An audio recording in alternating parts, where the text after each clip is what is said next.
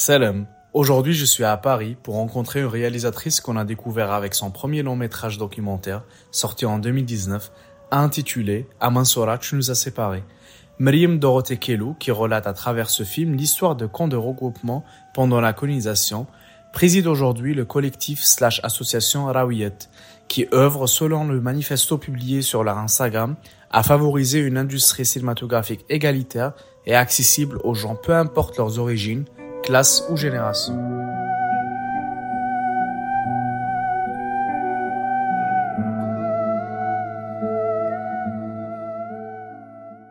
Bonjour à tous, euh, je suis Dorothée, donc mon prénom en France. Euh, en Algérie, on m'appelle plutôt Myriam par mon deuxième prénom.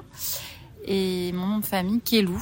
Euh, et je suis au départ journaliste et également réalisatrice et je sors un livre prochainement, donc j'oserais dire autrice. Voilà.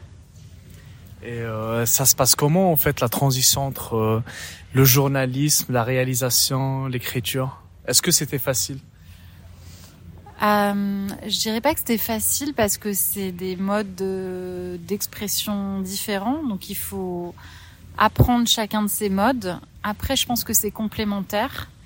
Donc, euh, moi, j'ai fait ce film à tu nous as séparés sur euh, l'histoire du village de mon père et notamment la mémoire des déplacements forcés de populations civiles pendant la guerre d'Algérie.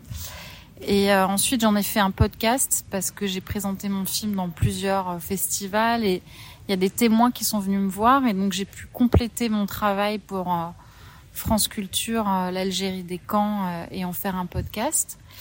Et euh, à la suite de ça, j'ai eu la chance d'être contactée par un éditeur qui m'a demandé si je souhaitais écrire.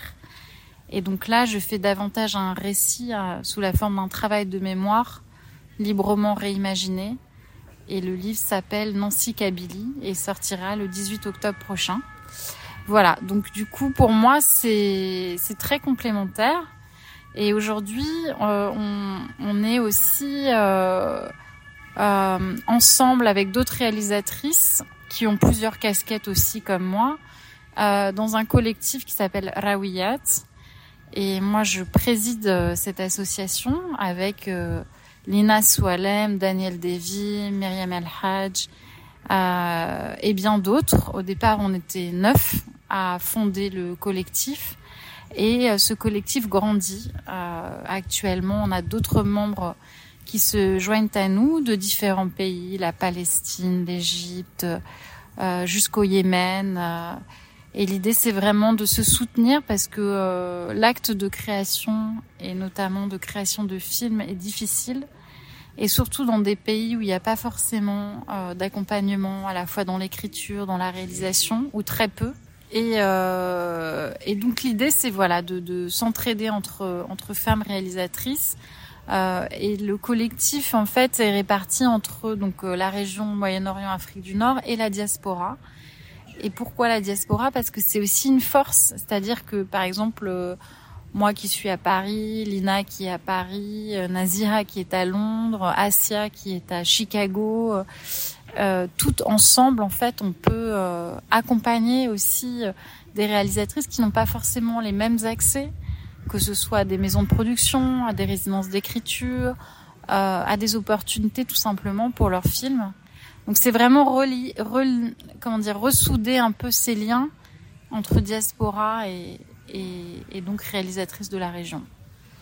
Puisqu'on parle d'accompagnement, euh, souvent en fait euh, les sujets euh, sur lesquels vous travaillez, ça concerne un peu vos pays d'origine ou bien la diaspora qui était est établie en Europe en général, aux États-Unis, en Amérique en général. Et en parlant de moyens, en fait, on a toujours euh, l'impression que, en fait, ces histoires ont besoin de ils ont déjà le mérite d'être racontés, mais euh, le, le, la possibilité de le faire est, un peu limitée par rapport à à, à, ces gens, ces réalisatrices, ces réalisateurs en général qui habitent euh, ces, ces, euh, ces endroits-là. Dans quelle forme de d'accompagnement ferez-vous? Quel genre d'intervention ferez-vous pour un projet quelconque? Euh, alors ça, ça, dépend. On a mis en place euh, plusieurs activités déjà. Euh, par exemple, on fait du mentorat. Donc, euh, on a plusieurs réalisatrices euh, qui ont eu un accompagnement sur l'écriture de leur de leurs films, qui pouvaient peut-être être bloqués. Certains films qui étaient plus d'un format reportage, qui manquaient d'une profondeur cinématographique. On, leur a permis euh, de développer davantage ce langage pour avoir accès à des fonds cinématographiques. Euh, on a aussi proposé euh, des ateliers alors euh, de soutien à la création euh, avec une thérapeute qui s'appelle Iman Boundawi, qui est algérienne américaine, qui avait d'abord accompagné sa sœur Asia Boundawi qui a réalisé un film qui s'appelle uh, The Feeling of Being Watched uh, sur uh, la surveillance par le FBI des quartiers arabes américains à Chicago. Et, et en fait, elle s'était rendue compte à ce moment-là que travailler sur des sujets difficiles peut créer en fait des, des blocages, voire des traumas, parce que quand il s'agit de guerre, quand il s'agit de violence, euh, d'un État, etc., policière, euh, et qu'on a un lien direct à cette histoire par sa famille, euh, émotionnellement, ça peut être très très éprouvant. Et, euh, et, donc, on a mis en place ces ateliers pour que euh, ces femmes qui travaillent sur des sujets difficiles trouvent en elles les ressources. Et c'est vraiment des outils à mettre à disposition pour, par exemple, quand on pitch un film dans un festival devant 50 producteurs, distributeurs, euh, euh, financeurs, etc., qu'on soit capable d'aller au bout de l'histoire et de ne pas craquer, par exemple. Euh, et donc, on, a eu cet accompagnement aussi émotionnel au festival euh, africain de Luxor. Euh, on l'a fait également au Festival international du film au Caire. On a mis en place aussi euh, ça, peut paraître euh, euh, anodin, mais pas vraiment parce que cette page Facebook, ce Exchange Space qu'on a créé en fait, a euh, des centaines de membres aujourd'hui qui s'échangent des contacts, des idées, des suggestions. On a également commencé une série de talks, euh, donc des conversations sur des sujets qui ne sont pas forcément abordés. Le dernier en date, c'était euh, la question de, de l'intimité, c'est-à-dire comment on filme une scène intime, voire une scène sexuelle dans un film. Est-ce que, euh, parce qu'on n'en a pas beaucoup parlé, mais sur les tournages dans la région, euh, il y a eu des cas de harcèlement, voire d'agression sexuelle. Donc, qu'est-ce qu'on met en place quand on est réalisateur pour que, euh, en fait, euh, on, on, garantisse à l'actrice et à l'acteur euh, une, euh, une sérénité, euh, une confiance pour que la scène, peut-être plus difficile à tourner, soit, soit tournée de la meilleure, meilleure façon possible. Euh, voilà, on a plein d'idées. On a plein d'idées. Après, c'est une histoire de temps, d'énergie, parce que tout ce travail est bénévole.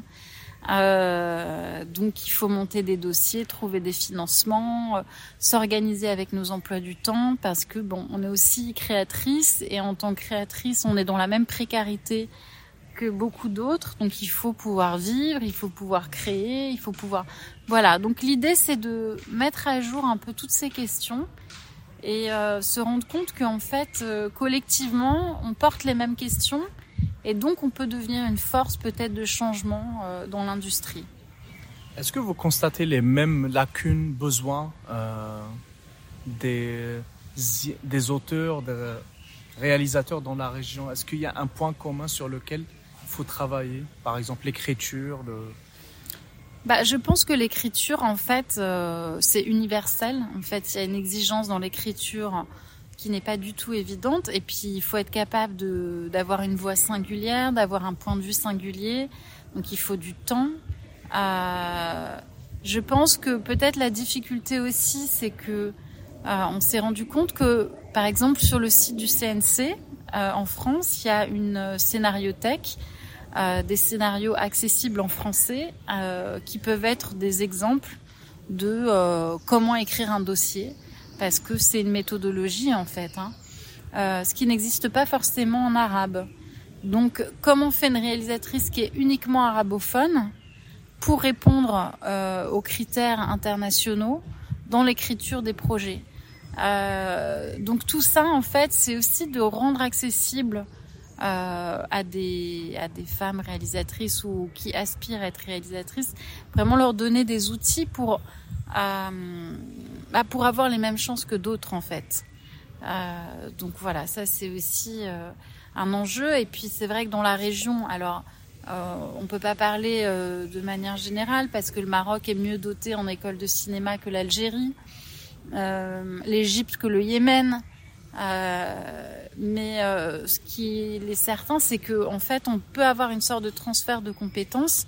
Ceux qui ont eu la chance d'avoir accès à une école de, cinéma puissent, avec des ateliers, intervenir dans leur pays ou le pays voisin, etc. Donc vraiment créer des solidarités pour que la connaissance euh, circule. Euh, au jour d'aujourd'hui, quel genre de soutien espérez-vous euh, recevoir, que ce soit en termes de bénévolat, de soutien financier pour arriver à compléter à mieux votre mission et peut-être étendre plus votre intervention alors je pense qu'à ce stade, on a pensé davantage les projets, on les a écrits, euh, on va déposer un certain nombre de demandes de, financement. Euh, et à ce stade, je pense qu'il faut qu'on se professionnalise parce que là, on est toutes bénévoles. Idéalement, euh, il nous faudrait un coordinateur de projet ou une coordinatrice de projet qui soit rémunéré et qui puisse vraiment porter le projet encore plus loin. Mais voilà, on fait ça par étapes. là, dernièrement, on a été contacté par deux réalisatrices euh, Randa et Stéphanie, qui veulent créer une database, euh, donc une base de données avec euh, tous les contacts des réalisatrices de la région et de la diaspora. parce qu'en fait, elles se rendent compte que quand elles vont sur un tournage, la majorité est masculine et que en fait, il faut beaucoup d'efforts pour essayer de diversifier et, et, avoir plus de présence féminine. Et cette base de données, par exemple, cherche une ingénieure du son en Algérie, bon bah, il y a 10 noms qui sortent, alors que pour l'instant, peut-être qu'on n'en connaît que deux ou trois. Donc, en fonction des disponibilités, des projets, etc. Peut-être que euh, voilà, cette présence féminine qui, qui importe va augmenter et, euh, et permettre à d'autres femmes de d'intégrer ce milieu, de s'exprimer. Euh, donc voilà, donc là il y a vraiment cette idée de trouver des financements pour euh, pour pouvoir rémunérer une coordinatrice de projet. Euh, Dernière question. Récemment, il y a eu une annonce de recrutement pour avoir plus de membres dans votre collectif. Quel, quel, quel genre de profil espérez-vous avoir dans Rawiyat bah, Des profils motivés. Parce que voilà, c'est un engagement quand même hein, de se mettre à disposition des autres pour soutenir euh, alors que bon, bah, on a nous-mêmes nos projets, etc. Donc c'est avoir une espèce d'ambition euh, collective et puis d'être prêt à, à, répondre aux mails, à faire des propositions, à mettre en place des projets. Euh, et, et, puis avoir aussi, euh, comment dire, une base de, de valeurs en commun, comme croire en cette solidarité entre réalisatrices voilà, il faut vraiment que ce soit incarné. C'est pas juste euh, un principe. Super. Merci beaucoup Dorothée et j'espère euh, vous revoir un peu dans sur de bons projets, peut-être en Algérie prochainement. J'espère aussi. Merci beaucoup. Merci beaucoup.